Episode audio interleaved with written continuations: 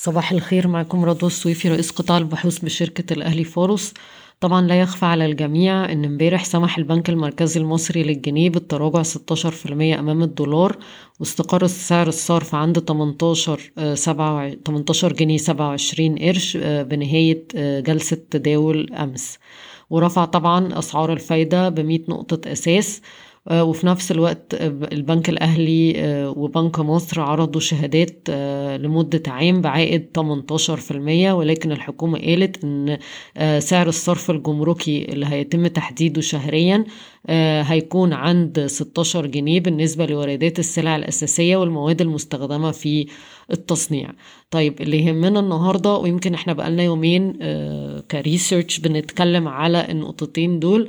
إيه هي الشركات اللي هتستفيد من ضعف الجنيه قصاد الدولار؟ طبعا بنتكلم بشكل كبير على المصدرين والقطاع الصناعي ليهم استفادة مباشرة وأهم الشركات هي أبو قير للأسمدة وموبكو والقابضة الكويتية وعز ستيل. وعز الدخيلة ومصر للألمونيوم سيدي كرير أموك النساجون الشرقيون آه، اسكندرية لتداول الحاويات السويدي ورايا كونتاكت سنتر وفي استفادة للمصدرين برضو من آه، مصنعي السيراميك آه، الجوهرة ولاسيكو. طيب في برضو استفادة غير مباشرة للقطاع العقاري والبنوك بسبب ارتفاع التضخم والتأثير على القيمة الاسمية لحجم أعمالهم وحجم أرقامهم. ودي حاجة آه، يمكن شفناها برضو آه، أيام ما حصل تعويم للجنيه في 2016 النقطة التانية اللي تهمنا إيه الشركات المستفيدة من رفع أسعار الفايدة؟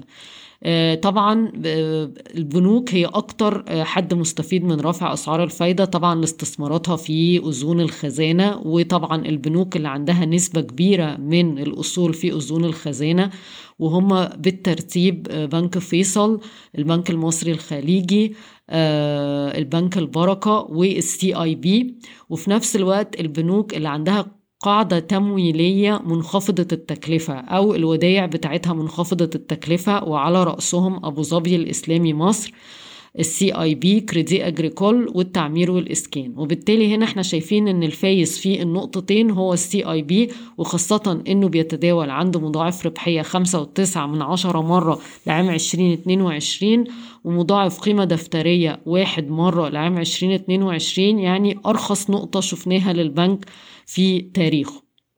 طيب برضو الشركات اللي عندها نقدية عالية جدا هتستفيد من رفع سعر الفايدة لأنها بتحطها في أذون خزانة أو ودايع وهي شركة إعمار مصر بني سويف للأسمنت EFG Hermes وأبو قير وهنا عايزة ألفت نظركم إن EFG Hermes مستفيدة من فكرة الصفقة والعلاقات مع الخليج وفي نفس الوقت أبو قير مستفيدة من رفع أسعار الفايدة وكمان من ضعف الجنيه قصاد الدولار.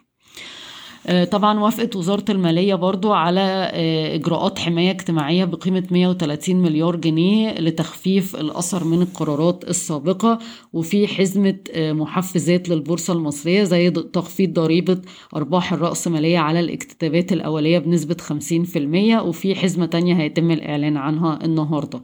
بالنسبة للاستثمار برضو عندنا أخبار كتيرة ADQ الصندوق الإماراتي هيستثمر 18% من ال CIB وهيستثمر برضو في حصص في فوري وشركات وثلاث شركات آه، أخرى هيستثمر إجمالي 2 مليار آه، دولار.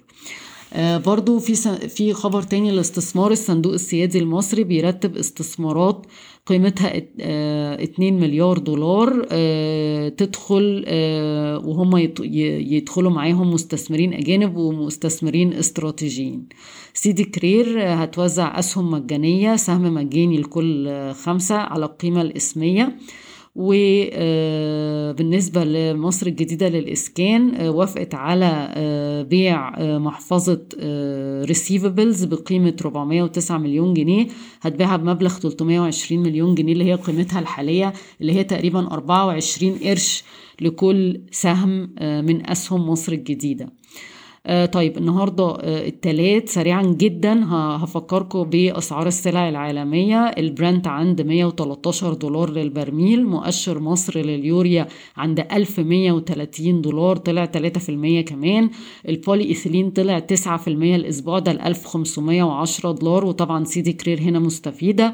الفرق بين أسعار الديزل وال heavy fuel oil طلع بنسبة 26% وصل 528 دولار وهنا اموك مستفيدة و ERC في القلعة مستفيدة وبفكركم اموك مستفيدة من ضعف العملة وارتفاع أسعار البترول وارتفاع أسعار الفرق بين الديزل وال heavy fuel oil وبالتالي برضو اموك هنا سهم مهم. ارتفعت أسعار البولي بروبيلين ل 1350 دولار بنسبة 5% ارتفعت الفرق بين أسعار الحديد وخام الحديد 2% ل 621 دولار. ارتفعت أسعار الألمونيوم بنسبة 3% ل 3381 دولار. أسعار الأسمنت مستقرة عند 1450 1550 جنيه للطن. الفحم الحراري نزل 9% بيهدي شوية ل 336 دولار للطن. أسعار زيت النخيل بتهدي نزلت عشرة في المية ل ألف ربعمية وعشرين للطن. أسعار اللبن البودرة ارتفعت واحد في المية لأربعة آلاف خمسمية وخمسين دولار للطن. بشكركم ويوم سعيد.